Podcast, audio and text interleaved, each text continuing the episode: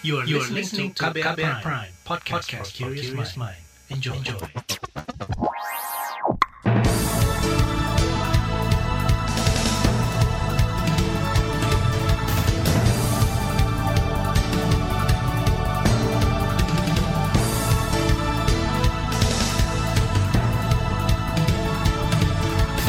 Saudara, senang sekali kami bisa menjumpai Anda melalui program Buletin Pagi edisi Selasa 9 November 2021 bersama saya Roni Sitangga. Sejumlah informasi pilihan telah kami siapkan, di antaranya pemerintah diminta percepat vaksinasi lansia, mangkir membayar Menko Polhukam minta Satgas BLBI sita aset obligor, korban banjir Sintang sulit akses air bersih dan makanan. Inilah Buletin Pagi selengkapnya terbaru di Buletin Pagi. Saudara pemerintah akan terus mengejar percepatan vaksinasi COVID-19 bagi kelompok lanjut usia lansia. Saat ini, kata Menteri Kesehatan Budi Gunadi Sadikin, vaksinasi lansia persentasenya masih rendah. Jadi perbandingan risiko antara yang masuk rumah sakit dan kematian orang lansia dan anak itu antara 20 sampai 30 kali lebih berisiko yang orang tua. Dan karena kita sekarang masih lumayan rendah, masih 40 persen, 50 persen, memang prioritasnya vaksinnya ada kita berikan ke lansia dulu sampai selesai. Untuk memastikan mencegah jangan sampai nanti ada kasus kenaikan kemudian seperti yang terjadi di negara-negara tetangga kita, lansianya tertinggal itu jadi mereka yang terkena dan wafat. Menteri Kesehatan Budi Gunadi Sadikin mengatakan saat ini vaksinasi lansia baru sekitar 9 juta untuk dosis pertama. Angka ini masih jauh dari target yang ditetapkan pemerintah yaitu 21 juta lansia untuk dosis pertama hingga akhir bulan depan. Kata Budi, capaian vaksinasi lansia juga menjadi kunci dimulainya vaksinasi anak usia 6 hingga 11 tahun.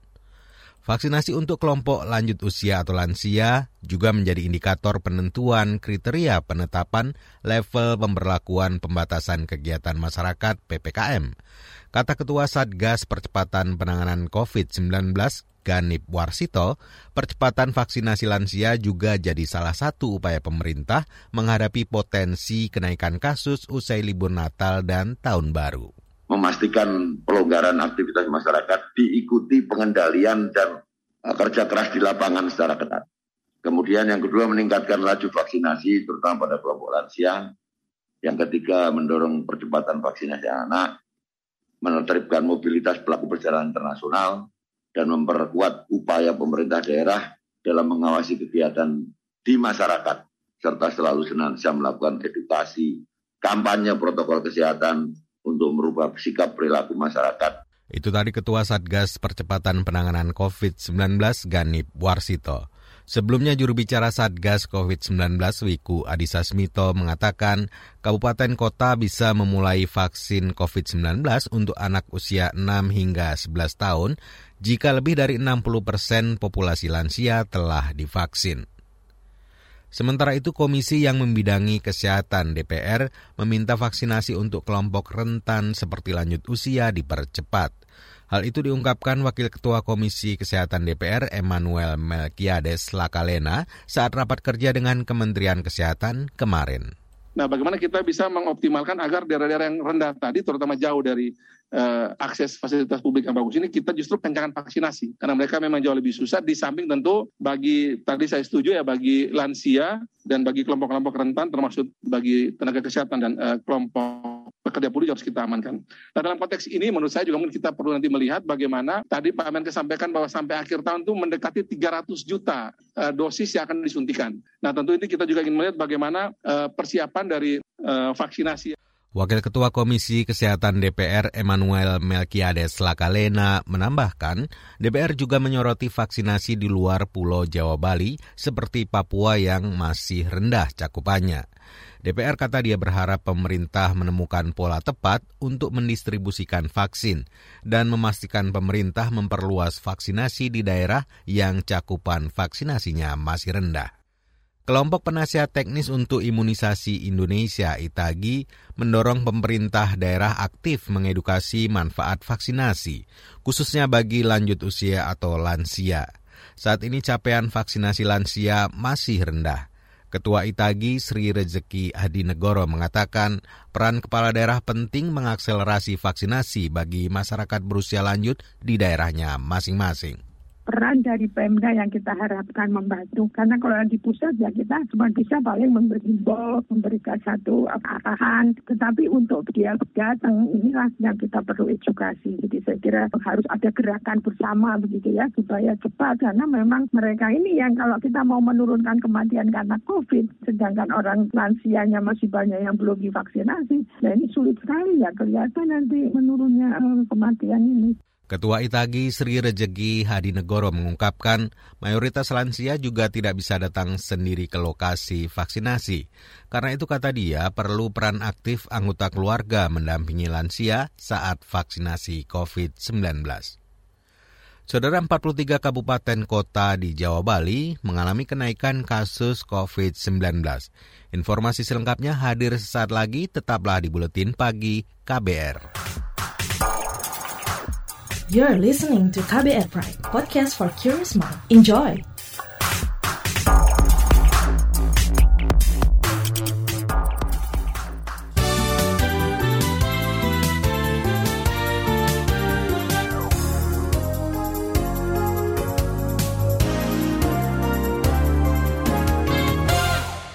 Anda mendengarkan buletin pagi KBR.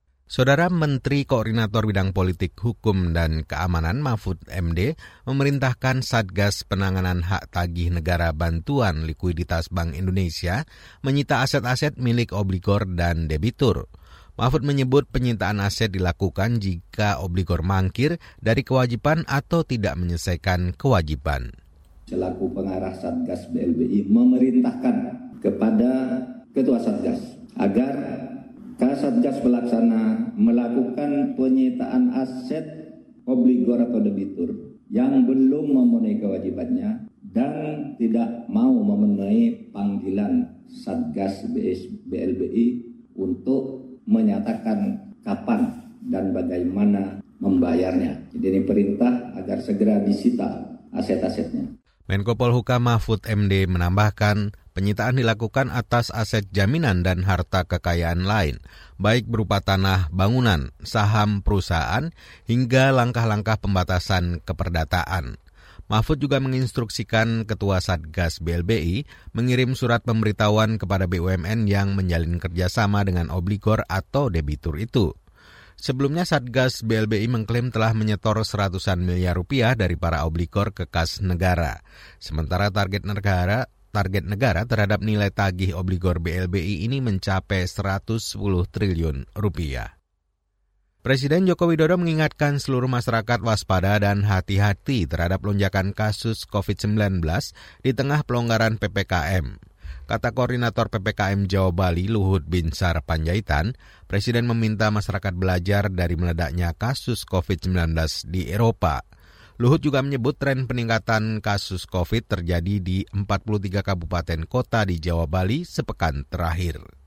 Uh, di sisi lain saya juga perlu menyampaikan juga terdapat tren kenaikan kasus di Jawa Bali, utamanya terjadi pada 43 kabupaten kota dari, dari 128 kabupaten kota atau 33,6 persen dalam tujuh hari terakhir ini. Dalam tujuh hari terakhir ini. Eh, kami akan segera mengumpulkan 43 kabupaten kota Jawa Bali tersebut untuk segera mengidentifikasi dan melakukan intervensi demi menahan tren kenaikan ini. Dan di Jakarta, Jakarta Utara, Timur, Barat, Selatan, itu hampir semua trennya ada naik. Meski terjadi kenaikan kasus, kata Luhut tingkat kematian turun, bahkan jumlah pemakaman kembali normal seperti sebelum pandemi COVID. Luhut menambahkan positivity rate di Jawa Bali di bawah satu persen. Hal ini mengindikasikan terkendalinya pandemi COVID secara umum. Per minggu kemarin, penambahan kasus positif sebanyak 444 kasus dengan 11 kematian. Total orang meninggal akibat COVID-19 mencapai 143 ribu. Badan Pengawasan Obat dan Makanan BPOM menyatakan segera memberikan persetujuan penggunaan obat terapi, terapi COVID-19 Molnupiravir. Menurut Kepala BPOM Penny Lukito, obat tersebut tengah diuji klinis dan berproses mendapatkan registrasi. Tentunya kita bergembira adanya obat COVID-19 Molnupiravir dan tentunya ke depan kesempatan untuk kita bisa juga uh, melakukan produksi sendiri. Uh, Badan POM juga sudah dihubungi oleh beberapa yang sudah mendapat uh, uh, menjadi fasilitas produksi yaitu dari uh, India salah satunya yang akan mendaftarkan untuk uh, molnupiravir ini. Kepala BPOM Penny Lukito menjelaskan molnupiravir nantinya bisa digunakan untuk pengobatan pasien COVID dewasa yang mengalami gejala ringan atau sedang dan tidak dirawat di rumah sakit. Selain molnupiravir, tiga obat COVID yang tengah diuji dan proses registrasi BPOM adalah bamlanivimab, dan Eftivimab serta baricitinib. Dewan Perwakilan Rakyat DPR menyetujui Andika Perkasa menjadi Panglima TNI menggantikan Hadi Cahyanto yang telah memasuki masa pensiun. Dalam sidang paripurna kemarin, Ketua DPR Puan Maharani meminta persetujuan DPR terkait pengangkatan Andika Perkasa sebagai Panglima TNI. Atas hasil uji kelayakan, fit and proper test calon Panglima TNI tentang pemberhentian Marsekal TNI Hadi Cahyanto SIP dan menetapkan Jenderal TNI Andika Perkasa SEMAMSC sebagai calon Panglima TNI tersebut dapat disetujui. Itu dari Ketua DPR Puan Maharani. Usai resmi disetujui DPR sebagai Panglima TNI yang baru, Andika Perkasa mengatakan belum mengetahui dan masih menunggu arahan dari Presiden Joko Widodo terkait jadwal pelantikannya. Kita beralih ke informasi ekonomi. Pemerintah menyebut realisasi anggaran program pemulihan ekonomi nasional per 5 November telah mencapai lebih 450 triliun rupiah. Kata Menteri Koordinator Bidang Perekonomian Erlangga Hartarto, angka itu merupakan 61 persen dari pagu anggaran yang mencapai lebih 740 triliun rupiah. Di klaster kesehatan sudah 126,65 atau 58,9 persen, di perlindungan sosial sudah 132,49 atau 72,4 persen. Sementara untuk realisasi program prioritas, kata Erlangga Hartarto telah mencapai lebih 72 triliun rupiah. Realisasi lainnya yaitu dukungan UMKM dan korporasi mencapai lebih 63 triliun rupiah atau hampir 40 persen dari pagu anggaran. Kata Erlangga, klaster dukungan UMKM dan korporasi paling rendah realisasinya. Beralih ke informasi mancanegara. Kementerian Luar Negeri Indonesia tengah mengusut laporan soal tiga kapal Indonesia yang dibakar Australia lantaran diduga masuk dan menangkap ikan ilegal di lepas pantai negara itu. Kemarin pasukan perbatasan Australia mempublikasikan serangkaian foto kapal nelayan yang dibakar di lepas pantai utara Australia Barat. Pembakaran kapal nelayan yang diduga dari Indonesia karena masuk perairan dan menangkap ikan ilegal ini bukan kali pertama. Canberra mencatat dua kali membakar kapal nelayan Indonesia pada tahun ini. Selain membakar, pasukan perbatasan Australia juga mengusir 13 kapal ikan lainnya keluar perairan. India mengalami lonjakan kasus virus Zika. Kasus Zika pertama dilaporkan di kota industri Kanpur 23 Oktober lalu dan meningkat sepekan terakhir. Dikutip dari Reuters, sedikitnya 89 orang termasuk 17 anak positif mengidap virus yang ditularkan melalui gigitan nyamuk itu. Departemen Kesehatan India telah membentuk tim untuk menekan penyebaran virus Zika. India juga tengah meningkatkan pengawasan terhadap wabah dengan melakukan pelacakan kontak dan membasmi jentik nyamuk. Virus Zika dapat menyebabkan bayi mengalami mikrosefali atau kelainan yang menyebabkan ukuran kepala bayi lebih kecil dan otak kurang berkembang. Kita ke informasi olahraga. Sprinter asal Sumatera Utara, Putri Aulia mengawinkan emas dengan emas yang didapat sang suami Nurferi Pradana di Pekan Paralimpik Nasional Peparnas ke-16 di Papua kemarin. Putri Aulia meraih emas pada nomor 100 meter T13 Putri dengan catatan waktu 12,9 detik. Sementara suaminya Nur Ferry Pradana meraih emas di nomor 400 meter T47 Putra dengan catatan waktu 51,1 detik. Sementara di cabang panahan, atlet tuan rumah Papua mendominasi perolehan medali di laga perdana Peparnas. Sementara di nomor lempar cakram F56 putri, atlet Jawa Tengah Famini belum terkalahkan. Ia mencatat lemparan sejauh 22,2 meter dan meraih emas. Kita ke sepak bola. Hasafi Hernandez resmi menjadi pelatih anyar Barcelona. Dikutip dari Forbes, Sasi menandatangani kontrak hingga 30 Juni 2024 mendatang. Dalam pernyataannya, Safi berjanji akan bekerja keras di Barcelona. Ia juga dituntut membuat Sergio Basket dan kawan-kawan menang di kompetisi domestik dan Eropa. Saudara di bagian berikutnya kami hadirkan laporan khas KBR bertajuk Cuaca bukan faktor tunggal penyebab banjir. Nantikan sesaat lagi. You're listening to KBR Pride, podcast for curious mind. Enjoy!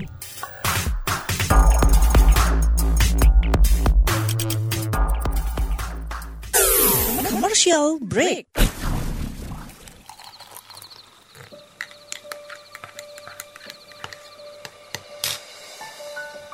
Hai, kamu apa kabar?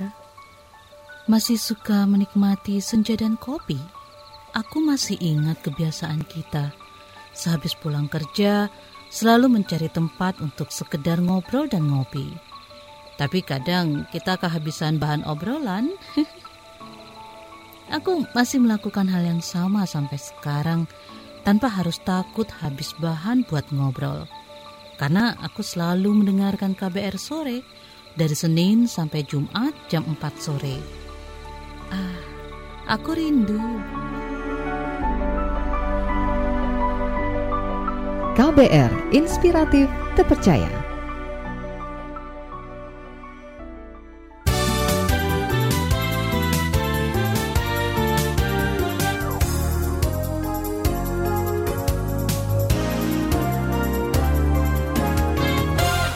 Anda masih bersama kami di Buletin Pagi KBR. Saudara bencana alam melanda sejumlah wilayah di tanah air. Sebagian besar karena bencana hidrometeorologi seperti banjir dan tanah longsor. Salah satu faktornya adalah fenomena La Nina, yakni kondisi di mana suhu permukaan laut di Samudra Pasifik lebih dingin dari biasanya sehingga meningkatkan curah hujan di wilayah Indonesia secara umum. Selengkapnya simak laporan khas KBR disusun Sindu Darmawan.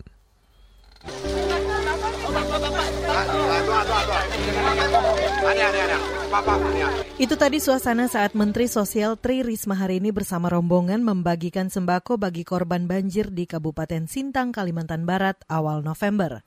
Aksi tersebut dilakukan Risma sembari berjalan menerjang banjir setinggi perut orang dewasa. Banjir di Sintang sudah terjadi di 12 kecamatan selama lebih dua pekan dan hingga kini belum surut, antara lain di Kecamatan Serawai dan Ambalau. Diduga akibat hujan intensitas tinggi sehingga debit air sungai Kapuas dan Melawi meluap. Data BPBD Sintang per akhir pekan kemarin, lebih dari 87 ribu warga terdampak banjir, dua orang meninggal. Keduanya warga Binjai dan Tempuna. Bencana ini juga mengakibatkan lebih dari 21 ribu unit rumah dan sejumlah fasilitas umum rusak.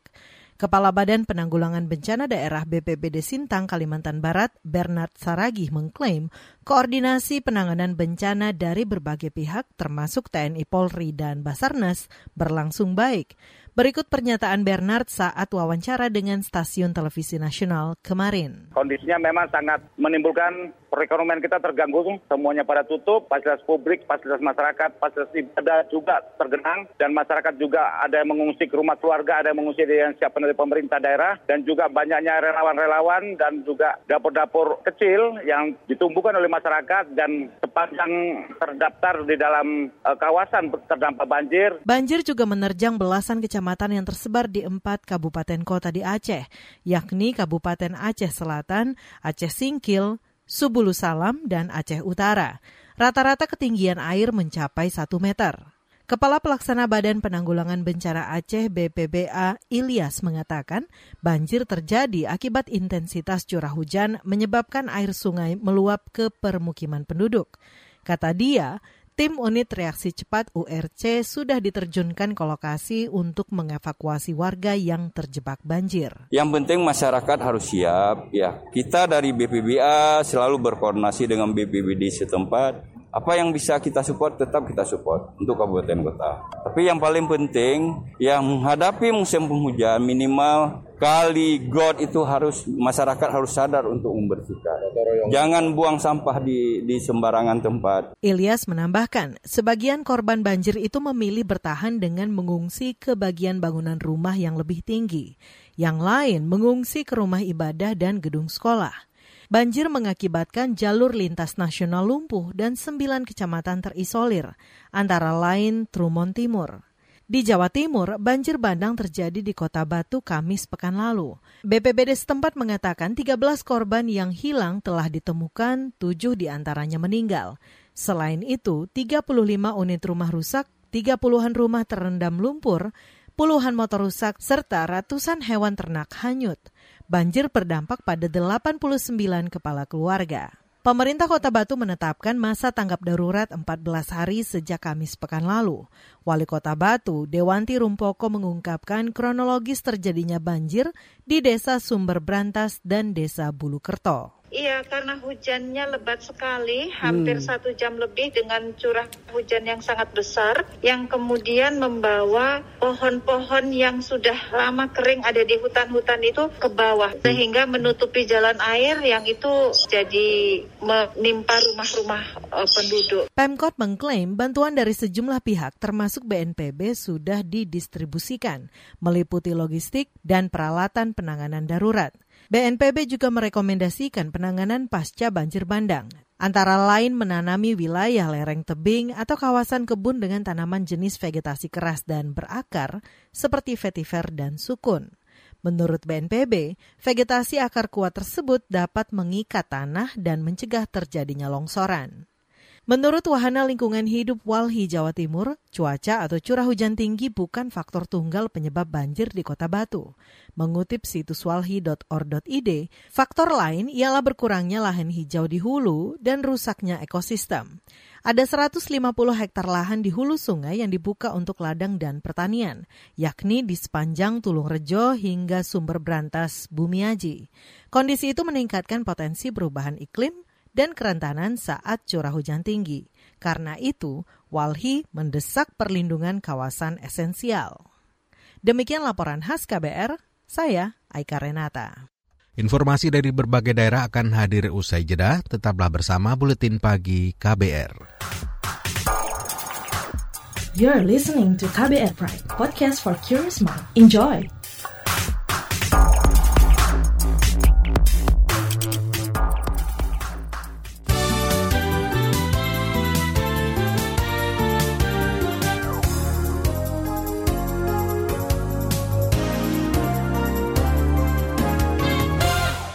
Inilah bagian akhir buletin pagi KBR bersama saya Roni Sitanggang.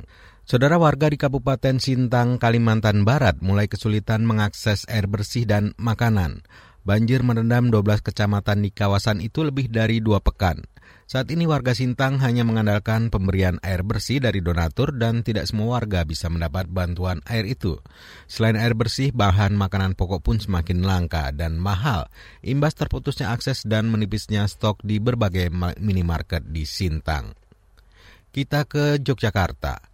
Pemerintah Provinsi Jogja kembali mengelontorkan dana hibah dan bantuan sosial untuk masyarakat terdampak COVID, baik perorangan maupun kelompok. Total bantuan mencapai lebih 18 miliar rupiah bersumber dari dana keistimewaan. Gubernur DIY Sri Sultan Hamengkubuwono ke-10 mengatakan bantuan itu nantinya untuk mendongkrak perekonomian dengan memperbanyak perputaran ekonomi mendukung pertumbuhan daerah. Semoga saja bantuan ini bermanfaat adanya dan kami juga selalu melakukan hal seperti ini dengan masyarakat lain yang ada di Jogja semoga saja dengan cara-cara bantuan seperti ini untuk tidak hanya memperkuat kondisi ekonomi warga, tapi sebetulnya juga dari situ pembelajarannya akan memberikan pertumbuhan ekonomi bagi daerah istimewa Yogyakarta sendiri. Gubernur DIY Sri Sultan Hamengkubuwono X mengakui Jogja beranjak ramai. Ia meminta masyarakat memanfaatkan kondisi itu dan membuat pengunjung atau wisatawan tertarik membelanjakan uangnya dan memicu pertumbuhan ekonomi daerah. Pemprov DIY juga telah menyalurkan dana istimewa sebesar 4,8 miliar rupiah kepada seratusan kelompok sadar wisata. Santunan kepada 1.700-an anak yatim piatu yang orang tuanya meninggal karena COVID-19. Bantuan yang disalurkan sebesar 2,6 miliar rupiah. Saudara, informasi tadi menutup jumpa kita di Buletin Pagi hari ini. Pantau juga informasi terbaru melalui kabar baru situs kbr.id. Twitter kami di akun @beritaKBR serta podcast di alamat kbrprime.id. Akhirnya saya Roni Sitanggang bersama tim yang bertugas undur diri. Salam.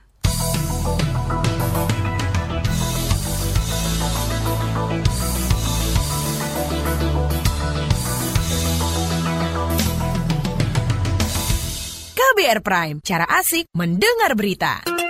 KBR Prime, podcast for curious mind.